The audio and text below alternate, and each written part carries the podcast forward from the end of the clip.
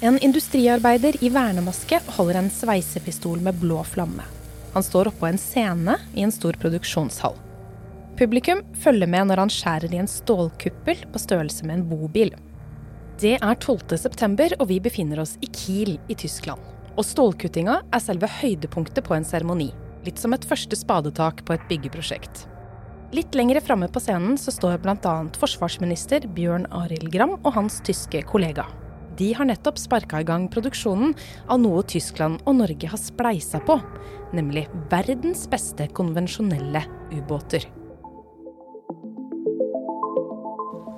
Vi erleben eine Zeitenwende. It was embarrassing what happened in Germany. Germany cannot deliver on one of its core tasks as a state. Etter at Russland invaderte Ukraina, er store ting i ferd med å skje med forsvaret i Europa og Tyskland har gjort en fullstendig helomvending. Opprustninga er i gang. Du hører på Nupis podkast Utenrikshospitalet. Jeg heter Therese Leine. Pernille Riker, forsker én hos NUPI. Hun forsker bl.a. på europeisk utenriks- og sikkerhetspolitikk. Og hun skal forklare oss hvorfor det er sånn at Europa har begynt å ruste opp. Nei, Et bakteppe er jo egentlig den endrede geopolitiske situasjonen, med et USA som, som til tross for at de har vist en sterk vilje til å stå opp for eh, Ukraina, så har USA sine hovedsikkerhetspolitiske interesser eh, i Asia. Og, Det betyr at Europa må på en måte være rede til å ta mer ansvar for, for egen sikkerhet. Um, og, og, som den aller største og, og også økonomisk sterkeste landet i Europa, uh, så hviler det et visst ansvar også på, på Tyskland til å ta et visst lederskap. Hvordan har krigen i Ukraina endra Europa? Nei, altså Krigen var jo et sjokk på Europa, eh, som førte til at eh, alle, hele Europa, eh, følte et behov for at nå må vi ta eh, sikkerhet mer på alvor. Eh, og det førte jo til eh, store endringer i flere lands sikkerhetspolitikk. Så både Sverige og Finland tok jo en historisk beslutning om å, om å søke Nato-medlemskap. Eh, Danmark eh, gikk tilbake på det forbeholdet de hadde hatt om å ikke være med i EUs forsvarssamarbeid. Eh, men den aller største endringen den så vi i Tyskland. Et land som har, har hatt i lang tid hatt et anstrengt forhold til dette å bruke penger på forsvar. Og nå ser vi at det blir en prioritet også i Tyskland. Tre dager etter at Russland gikk til storskala krig mot Ukraina, så holdt Olaf Scholz, forbundskansler i Tyskland, en legendarisk tale i Bundestag, som er det tyske parlamentet. Talen var så skjellsettende for tyskerne at den til og med har fått sin egen Wikipedia-side. Vi erleben eine Zeitenwende. Vi lever i et Seitenvende. Tiden er ikke den samme, sier han. Scholz snakker om hvorvidt vi skal tillate at Putin skrur tiden tilbake til 1800-tallet, eller om vi har styrken til å sette en stopper for krigshisseren. I tillegg, sier han, vil det tyske forsvaret, Bundeswehr, rustes opp med 100 milliarder euro de neste årene.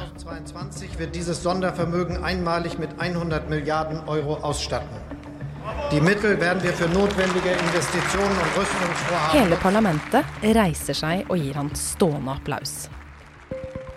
På tyske mobiltelefoner tikker hastemeldingene inn fra diverse nyhetsmedier. Det er søndag, og hjemme i stua sitter Tobias Wetz, oberstløytnant i det tyske forsvarsdepartementet, og slapper av. And suddenly every media or every uh, news app released a push up, and uh, Germany will raise 100 billion special fund for the Bundeswehr. The first, the first feeling was shocked. The second feeling was, oh, lucky me, more money for the Bundeswehr. And uh, afterwards, you, you start thinking, okay, now we have a special fund of 100 billion. What will be invested for what? And how quick can you invest this money? Vi skal komme tilbake til hvordan det går med Scholz' voldsomme investering. Men først så er det på tide å slå opp i den tysk-norske ordboka. For hva betyr egentlig Seitenwende? For anledningen så går vi til NUPI-forsker Øyvind Svendsen, som bl.a. forsker på diplomati, internasjonale forhandlinger og sikkerhetspolitikk. Ordet Seitenwende betyr tidsskille, eller vannskille om du vil. Vi står ved et punkt i historien eh, som endrer alt. Og Poenget med det var å si at nå eh, er verden i en stor endring. Det er et Seitenwende i verdenshistorien, og Tyskland må ta mer ansvar for sin egen og for Europas sikkerhet i møte med denne nye verden, som er langt mer farlig, potensielt voldelig enn den tiden som har vært før. Og samtidig med at han holdt denne talen, så lovet han, uten å ha forankra det i parlamentet eller noe som helst. Eh, ryktene har det til at mange av regjeringsmedlemmene ikke visste det heller. Et eh, forsvarsfond som skulle gå rett inn til å umiddelbart styrke det tyske forsvaret på 100 milliarder euro. Men det var to lag i denne talen. Den handlet ikke bare om pengene, men den handlet også om hvordan Tyskland skulle forholde seg til at et land i Europa var blitt offer for en aggressiv stat. Det som ble signalisert av Scholz med denne Seitenwende-talen, er at Tyskland skal utvikle sin, og omstille sin, ikke minst, utenrikspolitikk. Og særlig gjelder det da innenfor sikkerhets- og forsvarspolitikk, hvor tyskerne har vært veldig bakpå eh, og vært forsiktige med å gjøre ting. Og ikke bare litt forsiktig, men altfor forsiktig. Det mener Christian Mølling, som er forskningssjef i DGAP, NUPIs søsterinstitutt i Tyskland. Han går så langt som å kalle fedrelandet sitt, Tyskland, for en failed state on. Altså en mislykka stat på forsvar. Look, Germany has the constitutional obligation to provide effective military defense. And for the last three decades, we haven't been able to do that. And if you take a look into the current situation, we will for a very long time not be able to do so. So it's a structural problem where Germany cannot deliver on one of its core tasks as a state. Tyskland klarer altså ikke å levere en av sine hovedoppgaver som stat, mener Mølling. Men for å forstå hvorfor det er blitt sånn, så må vi tilbake til Tysklands grimme historie. Kommanderende admiral melder. I natt har tyske krigsskip forsert Oslofjord festning under kamp med festningens batterier og fortsatt videre. There was this very intense German form of uh, Vergangenheitsbewältigung, we call it, which means to deal with its own past. Det sier Klaus Geiger, som er utenriksredaktør i den tyske avisa Die Welt. Det å selv ha vært aggressoren i en krig, har nærmest gjort Tyskland pasifistisk, mener han. Aldri skulle det skje igjen. Uh, from World War II on, Germany was on a very, uh, for historical reasons, on a very pacifistic way of dealing with um, military questions, and this was something which which spread in, in German society. In my eyes, the, it was. If I think back to, uh, at my school years, there were a lot of um, yeah teachers that have been formed in the, the 1968 uh, student movement and who, who, who taught us to, to see it this way in the history or, or, or politics lessons. Mr. Gorbachev, tear down this wall. Berlinmuren falt. Øst- og Vest-Berlin ble forent igjen. Men optimismen den gjorde tyskerne altfor naive, mener Geiger. The consciousness got lost that security is not a given because especially after the fall of the Berlin Wall, security questions completely disappeared. We had we had this idea of the West has won and everything uh, everything is fine. Why why do do we need the military? I think this was not only in Germany. This is uh, something that in most countries in Europe happened. It was this misinterpretation of the end of the Cold War, because R Russia never interpreted it in this way, and China neither. But we were like Germans were thinking, okay, it's just a question of time until all countries will be democratic and we will all be friends. Mm. And we let, let, let our guard down completely. Det er et halvt år før Russland invaderer Ukraina. Kameraene retter seg mot en speildør i en sal i Kreml. To unge soldater med snauklippa hår og høye hatter åpner den doble døra i en rask vending. Ut kommer en fornøyd Vladimir Putin med et skeivt smil og blomsterbukett i hendene. Han beveger seg selvsikkert, løfter de hvite og rosa blomstene foran seg og gir dem til sin helt spesielle gjest, nemlig Tysklands tidligere forbundskansler Angela Merkel. Hun nikker og smiler, og de to setter seg ned for å gjennomføre en pressekonferanse. Utenriksredaktør Geiger er veldig kritisk til at Merkel knytta så sterke bånd til Putin og lot landet bli avhengig av russisk gass. It was the the biggest wake up call uh, I ever saw in uh, in in history. You, you can say Germany for 15 years went right into the trap that Putin put to Germany, consciously or not, but it Germany made itself so dependent on Russian gas. Yeah, it's simple. It was just because it was cheap. And national security didn't have a price tag on the other hand. Hun gjorde det fordi gassen var billig, og sikkerhet var ikke engang en faktor, mener han.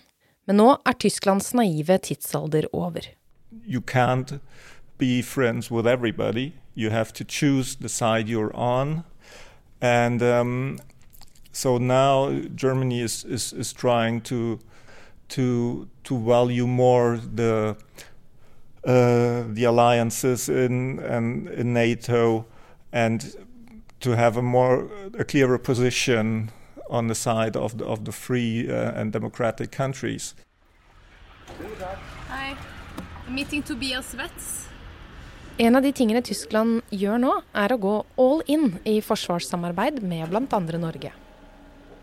Oberstløytnanten Tobias Wetz i det tyske forsvarsdepartementet han jobber nå for å få til et tettere forsvarssamarbeid med Norge. Han setter samarbeidet med nordmennene høyt. Uh, Germany and Norway are long-lasting strategic partners, like-minded partners, and we have many projects where we cooperate, from my point of view, very deep. And we cooperate in, in training and exercise, for example, in northern Norway, in uh, in Badufoss, where Norway built a new training facility. Uh, our Navies cooperate very deeply, they train together. Planen er at vi skal jobbe så tett sammen at vi skal kunne bruke hverandres fartøyer. The possibility for German soldiers to go on a Norwegian ship and train and work with them together without any differences. And I think our project, uh, Submarine U212CD, is a very good example for this because Germany and Norway built the same ship, the same uh, submarine. So German soldiers can use the Norwegian submarine. Norwegian soldiers can use the German submarine. Uh, oh, you only have to change, for example, the radio, but the rest of the of the of the submarine is is the same. So interchangeability, for example, is one key word for future cooperation. NUPI-forsker Øyvind Svendsen forsker nå bl.a. på det norsk-tyske samarbeidet. Han bekrefter det tysk FD sier. Norge og Tyskland har hatt et tett forsvarssamarbeid lenge. Vi er begge medlemmer av Nato og samarbeider tett der. Eh, og så har den norske regjeringa, Støre-regjeringa, vært eh, veldig opptatt av Tyskland. Eh, satt fokus på å øke samarbeidet med Tyskland. Men tyskerne er også i økende grad opptatt av Norge. Så som en del av hele denne Seitenwende og tyskernes satsing på forsvarspolitikk, så søker de absolutt råd hos Norge, søker tettere samarbeid med Norge. Særlig knytter det seg til maritimt samarbeid. Eh, marinene, Det er tett marinesamarbeid mellom Norge og Tyskland, og Norge og Tyskland utvikler og bygger sammen nye ubåter. Eh, dette er selvfølgelig begge land veldig opptatt av. Eh, de skal etter planen bli ferdig rundt 2030, eh, så om noen år så har Norge og Tyskland helt nye ubåter som er helt like, og som kan operere sammen. Så der er det veldig mye fokus på samarbeid mellom landene nå. Og Øyvind ser en klar sammenheng mellom Tysklands søken etter en ny hovedleverandør av gass og det styrkede forsvarssamarbeidet. Norge har blitt en veldig viktig leverandør av energi til Tyskland. Den viktigste eh, Tyskland har. Norge leverer nå mest gass av alle til Tyskland. Og på toppen av det så har Tyskland eh, lagt ned sine atomkraftverk som gjør at Tyskland har enda mer behov for energi, og Norge er det viktigste landet til å forsyne eh, Tyskland med energi nå. Hvordan henger dette med eh, energi og forsvarssamarbeid sammen? Det kanskje mest konkrete eksempelet på det er jo knytta til infrastruktur, til disse kablene som går under havoverflaten og ofte på bånden. Eh, vi så med Nord Stream 2-sabotasjen at disse kan ødelegges, og da stopper jo energiforsyninga. Og hvem er det som skal passe på disse kablene? Hvem er det som skal sørge for at eh, de ikke blir utsatt for sabotasje? Det er jo Forsvaret. Så der har eh, både Norge og Tyskland en felles interesse av å samarbeide for å sørge for at disse kablene som går på kryss og tvers i Østersjøen og oppover i, i våre hav, ikke utsettes for sabotasje.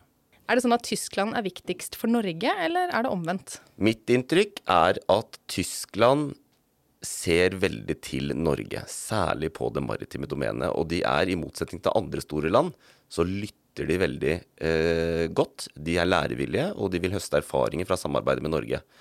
Så er det sånn at det er store interesser for Norge også. Det er viktig for Norge å få nye ubåter. De bygges i, Kiel i Tyskland. Så der er selvfølgelig Tyskland viktig for Norge, men hvem som er viktigst for hvem, det syns jeg er litt vanskelig å vurdere. Men vi har i hvert fall i dette prosjektet som vi har hatt det siste året, hvor vi har hatt fokus på nettopp dette Seitenwende og endringene i tysk forsvarspolitikk, så opplever vi at Tyskland ser veldig til Norge og ønsker å lære og samarbeide mer med Norge.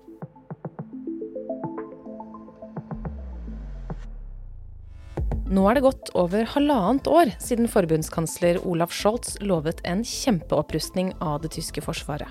Men har han klart å levere? Det er flere kritiske stemmer innad i Tyskland. Annet forsker Christian Mølling, som vi hørte fra tidligere i episoden.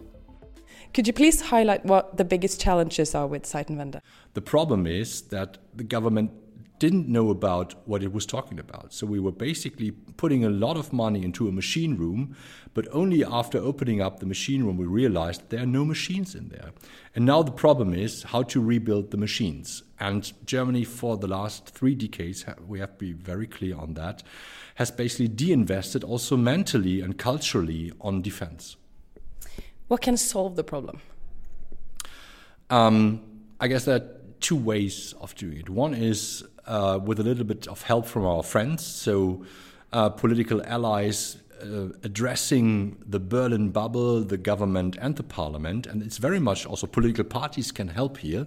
You need to generate consensus that defense is an important thing because otherwise, even if you have a, a, a great fighting force, without the resilience of the society on the willingness to fight if it's necessary, this force cannot be used. Klaus Geiger er enig i at Seitenwende har skuffa så langt.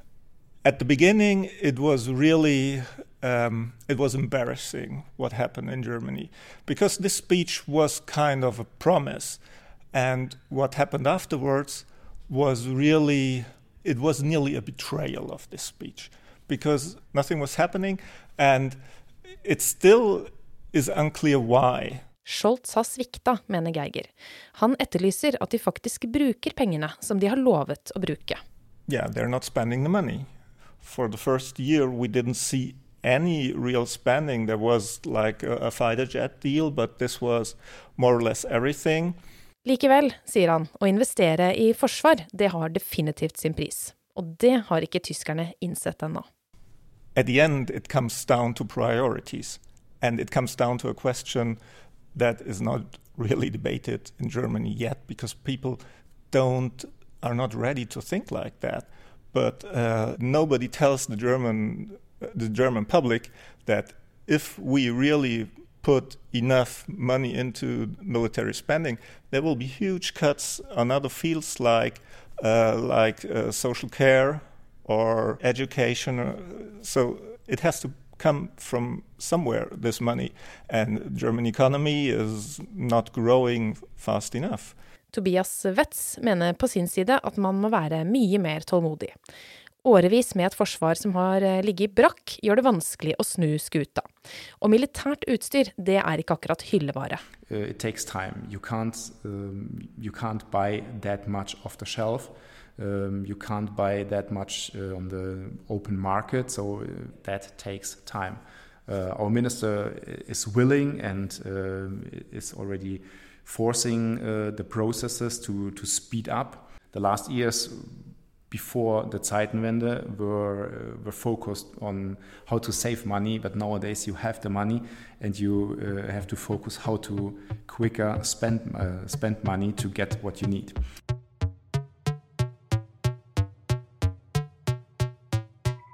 Europaforsker Pernille Riker har forståelse for at det tar tid for Tyskland å ruste opp til å bli en militærmakt igjen.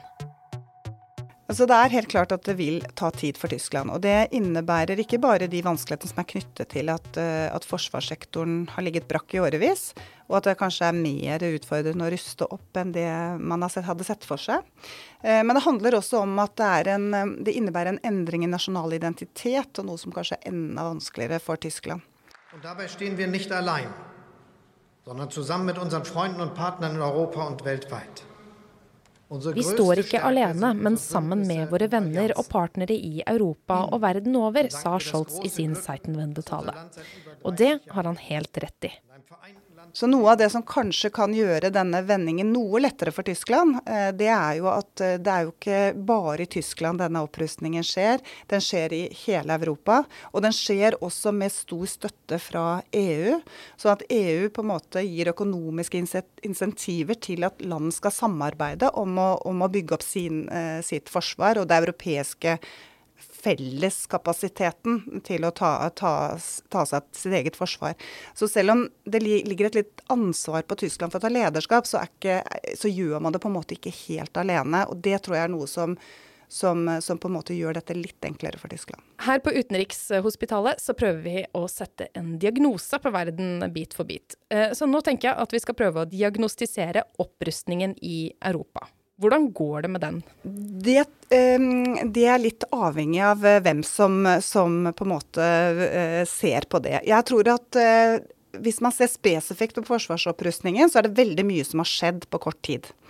Samtidig så har man en lang vei å gå før man på en måte er der man ønsker å være. Og noe handler om at man ofte sammenligner europeisk forsvarskapasitet med USA.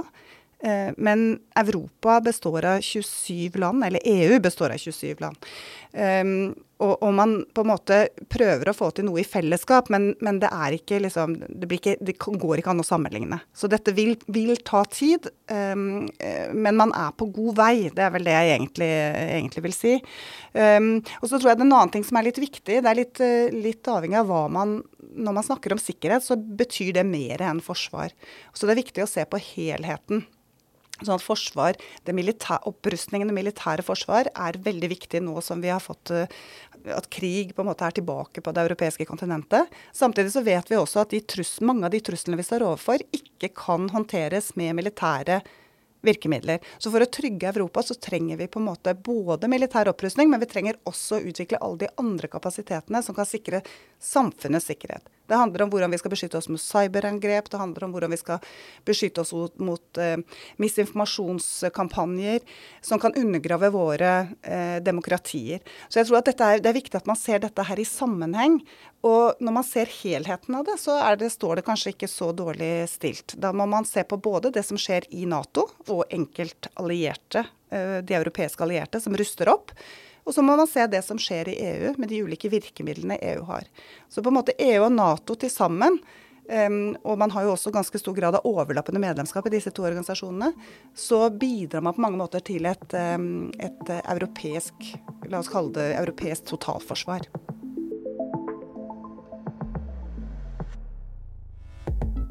Og med det så skal vi runde av denne episoden av NUPIS podkast Utenrikshospitalet. Hvis du vil holde deg oppdatert og høre flere historier om utenrikspolitikk, så søker du oss opp der hvor du hører podkast, og trykker på abonner.